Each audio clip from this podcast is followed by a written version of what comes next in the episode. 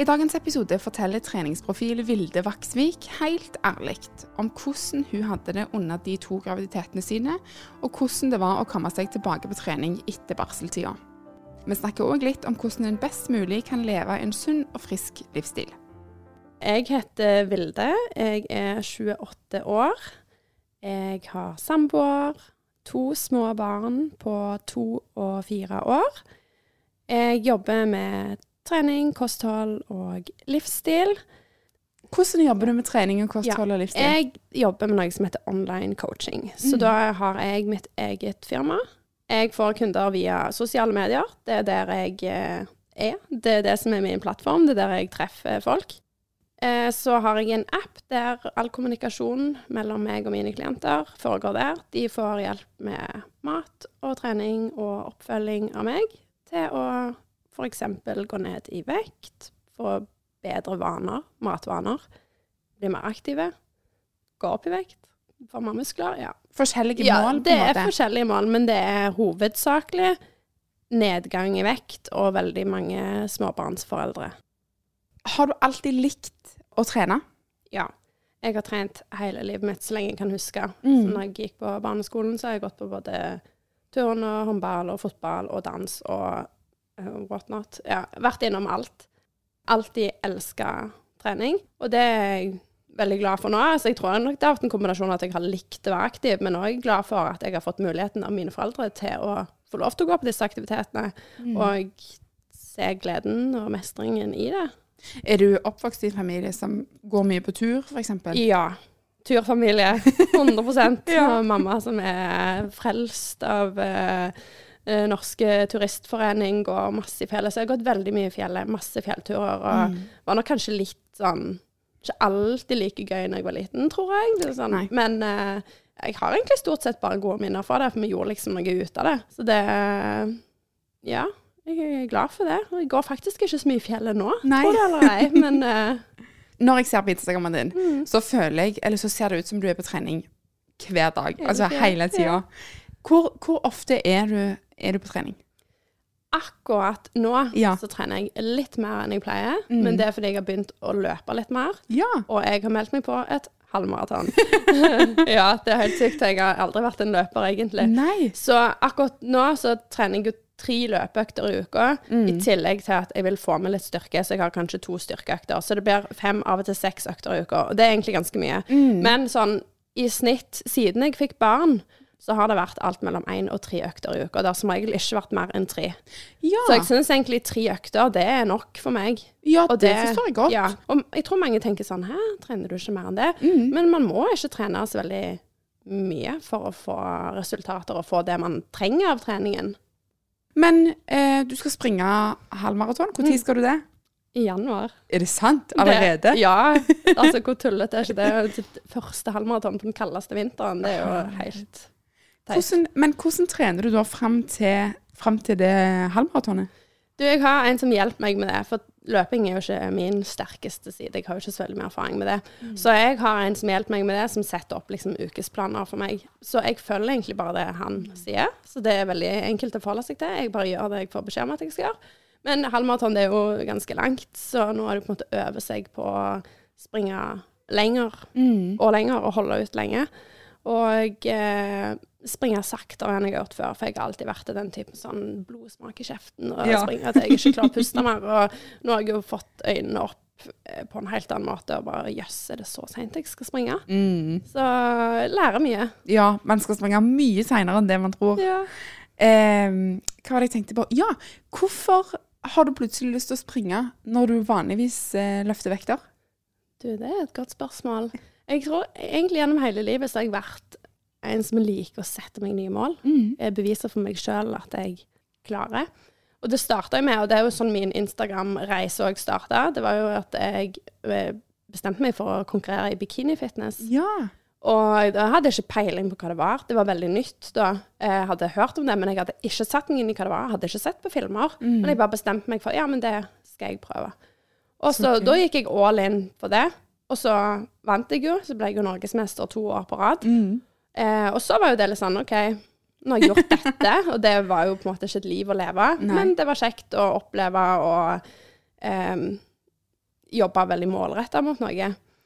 Så jeg liksom liker å sette meg mål og ha noe spesifikt å jobbe mot. Så jeg tror nok at eh, det er det jeg har fått for meg med denne løpingen. At vi, jeg bor i et nabolag der vi har veldig godt forhold med mange altså ca. samme alder, vi har barn på samme alder. Så har vi bare fått i gang en sånn liten felles løpegreie. At vi har motivert hverandre. sånn Den ene naboen løper, og da vil den andre, så vil hun, og så vil han. Og så, mm. så har vi det gående. Så nå har nesten alle har begynt å jogge i gata vår. Det er veldig gøy. Så koselig. Ja, det er veldig koselig. Så, og så tror jeg at det er det som har fått meg litt i gang. At det har blitt litt mer sånn men dette var jo gøy, liksom. Og mm. lyst til, når du først gjør det, så har du lyst til å bli litt bedre i det, og ikke bare gjøre det uten mål og mening. Hvorfor er trening så viktig for deg? Um, det virker som at det er en veldig stor mm. del av livet ditt. Jeg tror nok mest det handler om hvordan jeg føler meg. Altså hva følelser det gir sånn inni kroppen. og føler meg Sånn som nå, når jeg er vant til å trene mye, mm. og jeg har treningsfri, da merker jeg sånn akkurat jeg klør i fingrene etter bare sånn åh, jeg må bevege meg. Jeg, mm. jeg, har ikke fått den stimulien som jeg føler jeg trenger for å føle meg lett i hodet og lett i kroppen. Så det er ikke sånn for å se ut på den og den måten. Det er liksom hvordan jeg føler meg. Jeg merker at jeg blir en bedre meg når jeg får trent. Jeg eh, blir i bedre humør, føler jeg har mer å gi til både ungene og samboer og alle oppgaver som skal gjøres. Og ikke minst når jeg har en jobb som inkluderer å sitte mye på dataen og sitte og skrive foran en skjerm, så er det viktig å komme seg opp og ut og bevege seg og bruke kroppen. For vi er jo lagd for å bevege oss. Vi er jo ikke lagd for å sitte i ro hele dagen.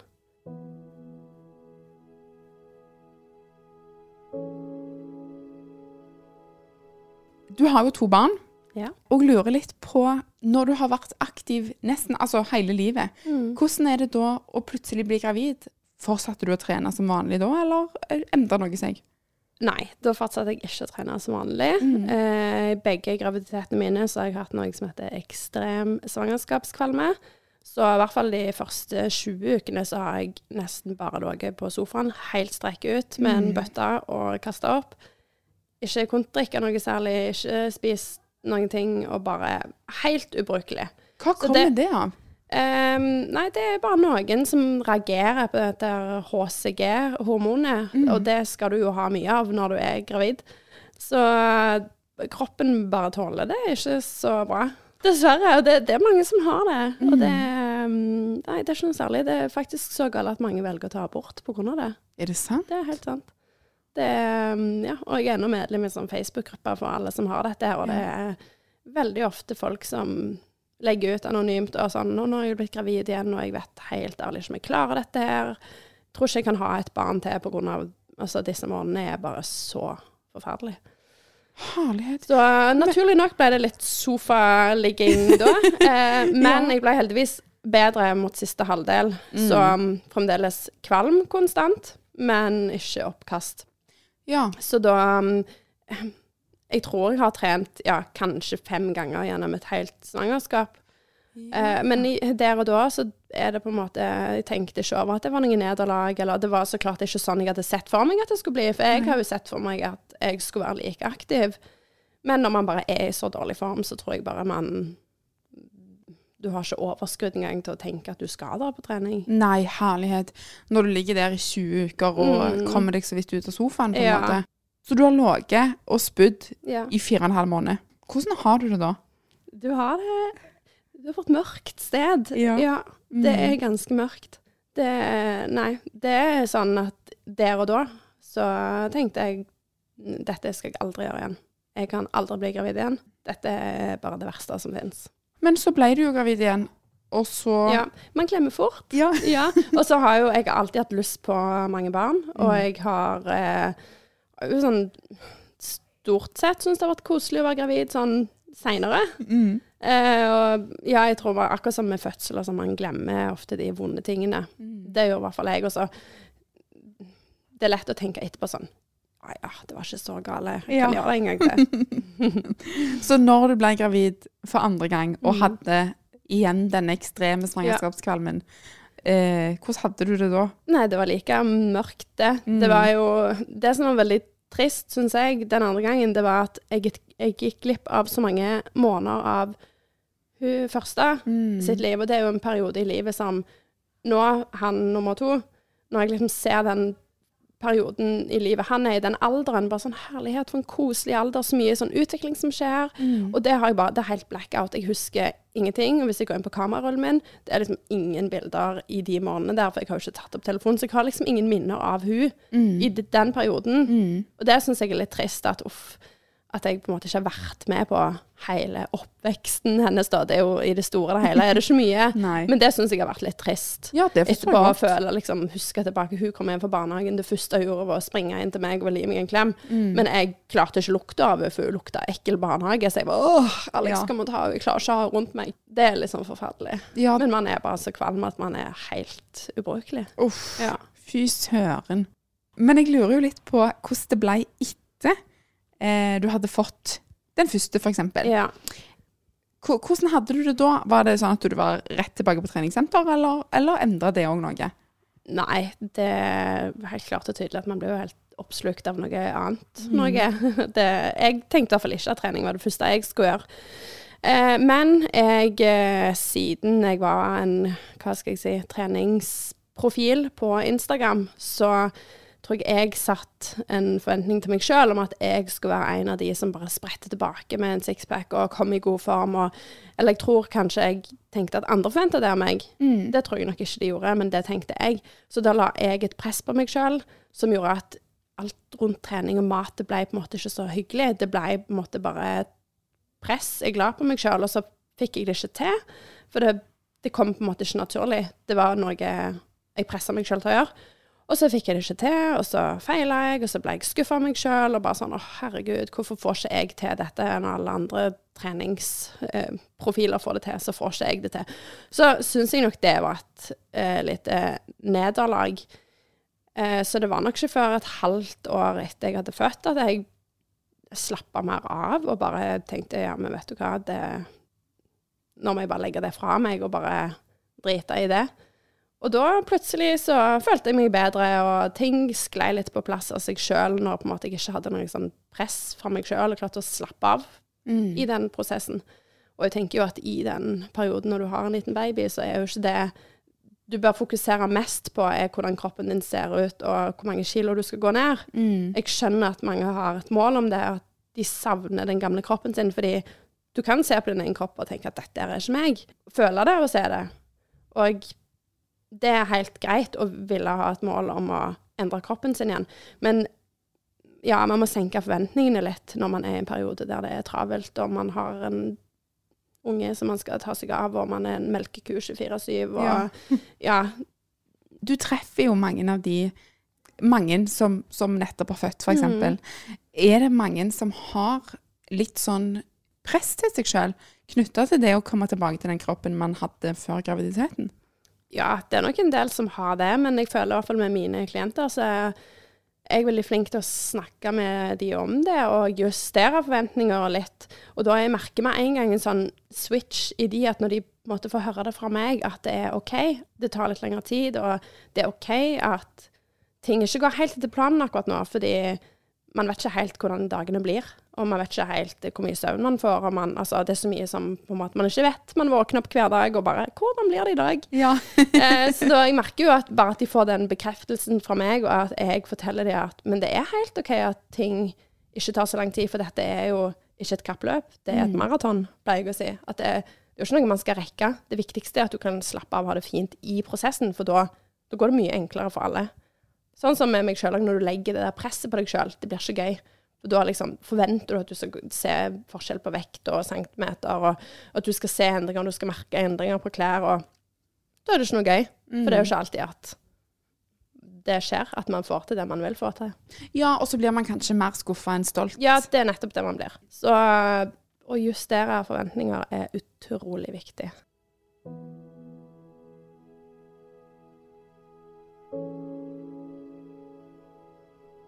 Når jeg ser på livet ditt gjennom Instagrammen din, Mm. så blir jeg jo litt sånn herlighet hvor mange timer har denne dama i døgnet. det er altså eh, babyer og barn, og det er brudekjoleshopping, og du er Ja. forlova, og så er det et aktivt liv, og du trener masse. Er liksom livet ditt så perfekt alltid? ja, Jeg vil ikke si at det er perfekt, men jeg har jo på en måte lagt min rutine og min flyt i hverdagen som, som på en måte jeg har fått til å funke. Mm. Og nå er jo jeg så heldig at jeg har en jobb som er fleksibel, så jeg har jo faktisk mulighet til å ta treningsøktene mine på morgenen eller midt på dagen i en lunsjpause, f.eks. Mm. Og det er jo en, litt, eh, en del av jobben min, det òg, å, trene og filme litt og lage litt innhold. Det er mange tenker sånn, ja, men det er jo ikke jobb, det. Men det er jo litt jobb, det òg, å lage alt innhold som skal til sosiale medier. Det er jo tross alt der på en måte jeg har Det det, det, det, er der jeg markedsfører meg sjøl, og det er der folk blir kjent med meg. Så det er jo en del av jobben, det òg. Så du kan jo tenke at det å trene for meg er jo òg litt jobb, Ja.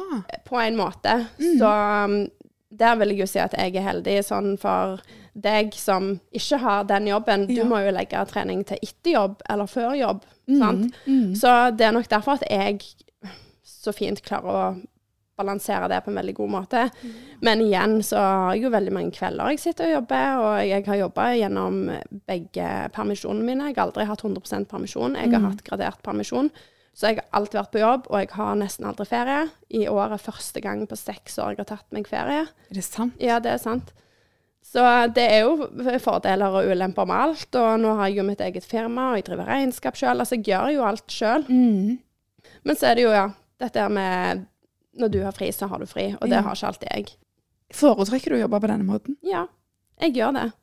Jeg gjør faktisk det. Nå, jeg klarer ikke å se for meg at jeg skal bli låst til åtte til fire. Og jeg elsker å ha den fleksibiliteten og ha muligheten til å styre dagene helt sjøl. Mm. Så jeg klarer virkelig ikke å se for meg at noen skal bestemme at du skal møte på jobb da, og så kan du få lov til å gå hjem da. Så, og så er jeg jo glad i jobben min, så jeg, jeg vil ikke ha det på noen annen måte. Så jeg tar gjerne litt jobb i ferier, og ja, gledelig. Det virker jo som at du er opptatt, du og dere er opptatt av å fremme på en måte en sunn livsstil. Mm. Eh, og treningsglede og sunn mat til, Ja. til ungene. Ja. Er det noe som dere fokuserer mye på? Jeg føler ikke egentlig at vi trenger å fokusere så mye på det, fordi bare det med at vi lever en sunn og aktiv livsstil, det er jo på en måte nok i seg sjøl. Mm. Ungene vil jo gjøre som foreldrene sine gjør, stort sett. De lærer av oss, ikke av det vi sier, men det vi gjør. Så de ser at vi drar på trening, og at vi liker å bruke kroppen og bevege oss, og så får jo vi det liksom inn i deres hverdag òg, og de viser jo veldig stor glede av det. Sånn helt fra de har vært babyer begge to, så har jeg tatt dem med på hjemmetrening. Og de syns jo det er så gøy å få lov til å være med, og det er alltid mye latter og glede og smil når de får lov til å bli inkludert i det.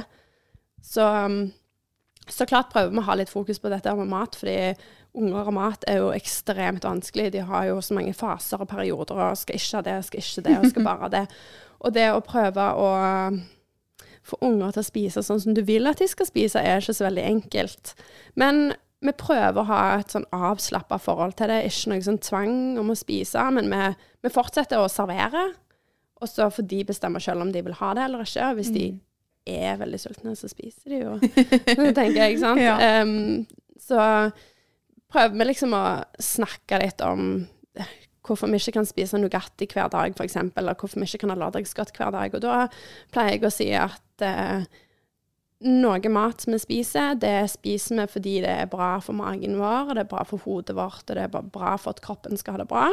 Men så er det noen mat som er veldig bra for at vi skal bli glade, eller for, for å gi oss litt ekstra glede. Og det kan være litt sånn sjokolade. Men det er ikke så bra for kroppen, så derfor kan vi ikke ha det så mye. Vi kan bare ha det av og til.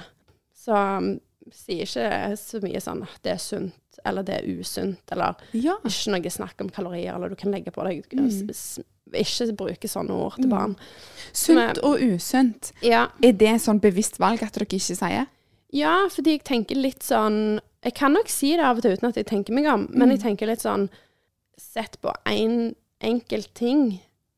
Så eh, du må jo se på helheten, tenker Ja. jeg, for, at, eh, for, for å se om du spiser sunt. Så må du jo se på alt du spiser gjennom en hel dag, gjennom en hel uke, og ikke bare liksom den ene tingen. For Mm. en salat er jo ikke sunt. Altså, det er jo ikke sunt å bare spise salat heller, selv om du tenker at salat er sunt. Mm. Sant? Så jeg tenker at det er litt derfor jeg ikke vil bruke liksom, akkurat de ordene. Men dere koser dere med lørdagsgodt? Ja, det gjør vi. Ja. Ja, ja, ja. Det, og det, vi er ikke sånn vi Jeg kan ikke si at vi er veldig strenge på akkurat det. Jeg vil heller ikke at det skal være sånn at det skal, vi skal skape et uanstrengt forhold til mat og godteri og sånne ting. Det, det kan så klart hende at de får eh, kake på en onsdag, hvis vi bestemte oss for at vi hadde lyst til å bake den dagen. Men at vi eh, stort sett prøver å holde det til sjeldenhetene. Og så tenker jeg jo em, Vi er jo inne i en litt sånn juletid uh, nå. Mm. Uh, og jeg er veldig sånn kosemenneske. Ja. Eh, Er vi ikke alle? jo, er vi ikke det? jeg skal kose meg fordi at det har vært litt travelt på jobb i dag. Mm. Så skal jeg kose meg litt fordi at det var så kjekt på jobb i dag. Ja. Og så skal jeg kose meg fordi at eh, det er jo fredag, Ja. og så er det lørdag, og så er det søndag. Ja. Og jeg, og jeg tar meg selv i å kose meg veldig mye. Ja. Nå i desember spesielt, for det er jo juletider. ja. Det er klart. Skulle jo bare mangle. Ja. Em, og så vet jeg at du har snakket litt om dette uh, med kosing i julen. Mm. Kan du fortelle meg litt om em, Ja, kan du fortelle meg litt om dette kosebegrepet, på en måte? ja, jeg tror vi er nordmenn, kanskje andre òg, men vi er veldig sånn ja, men det er jo greit, du tar deg det kakestykket, vi må jo kose oss. At vi skylder det hele tida på dette, å, men vi må jo kose oss.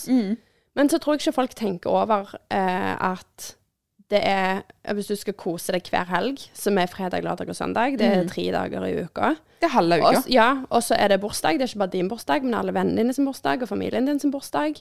Og så er det høytider, og så er det ferier. Så, altså, det er alltid en grunn til å feire. Det er alltid en grunn til å kose seg. Så hvis du legger sammen de i løpet av et helt år, så blir det ganske mye. Og da tror jeg hvis enhver person hadde sett det, lista opp alle dagene i året, du skal kose deg, og så trå til litt ekstra med litt sånn sjokolade og kake og mat som du vet ikke gjør deg så bra, da tror jeg folk hadde blitt overraska over hvor stor prosentandel av alle dager i hele året at du faktisk spiser ganske dårlig.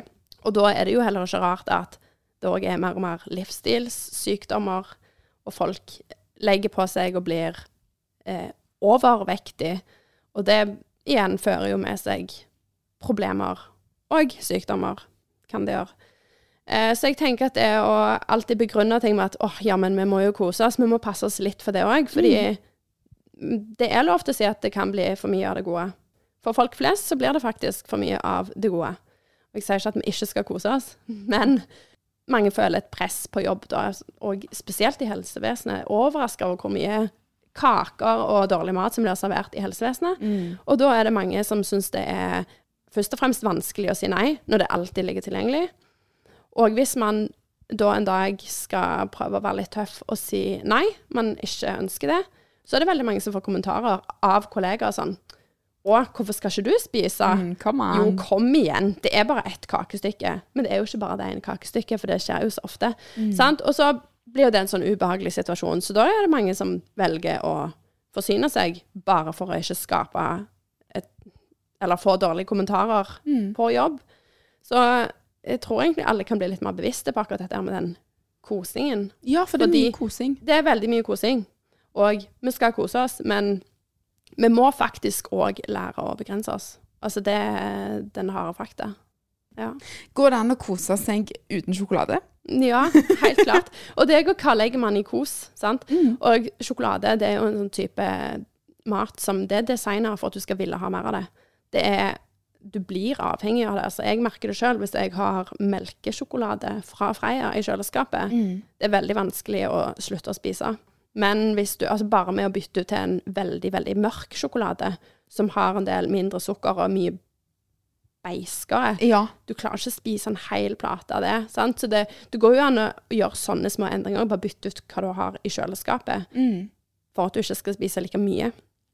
Det er mange ting man kan gjøre, men eh, Så gjelder det å gjøre det òg, på en måte. Ja, det gjelder jo å gjøre det òg, og det er noen må jo bare ikke ha det tilgjengelig. Mm.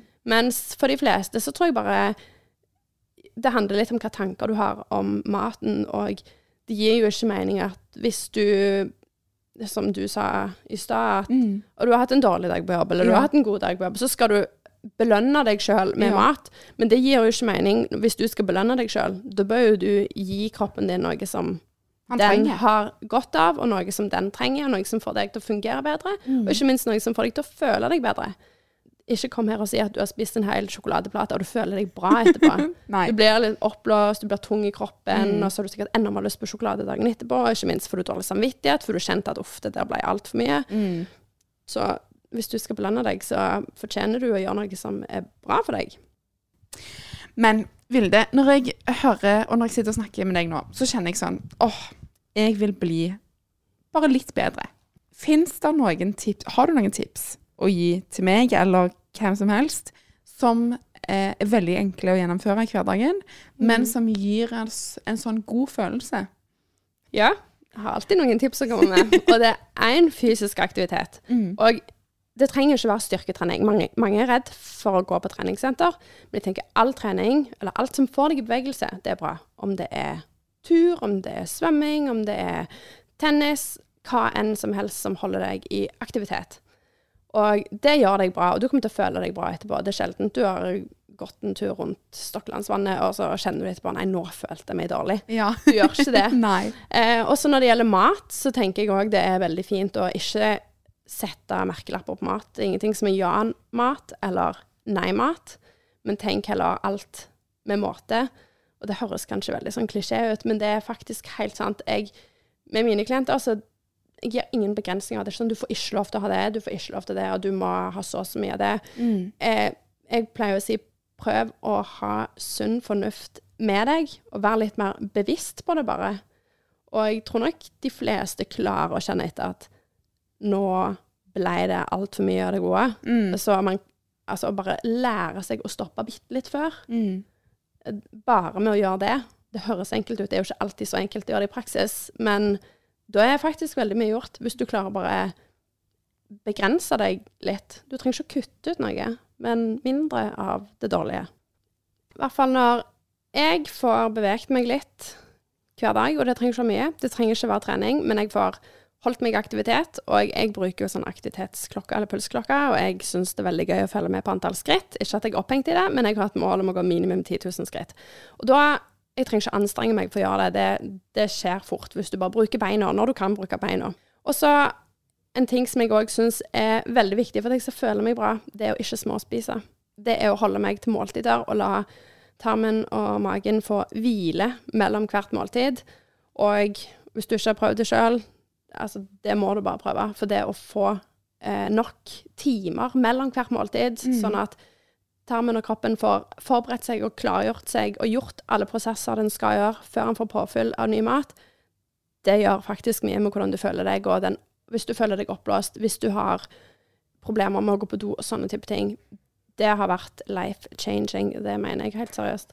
Er det Så sant? ja, så vær aktiv og ha pause, la magen få pause, ikke småspis, da er faktisk mye gjort for meg, altså.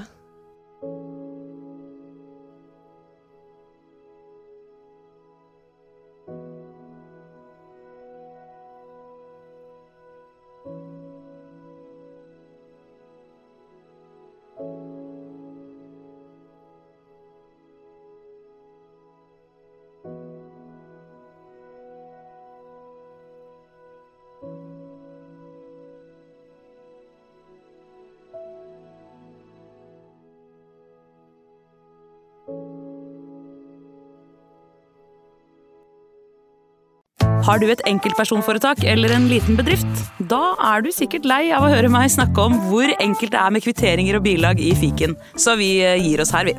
Fordi vi liker enkelt. Fiken superenkelt regnskap.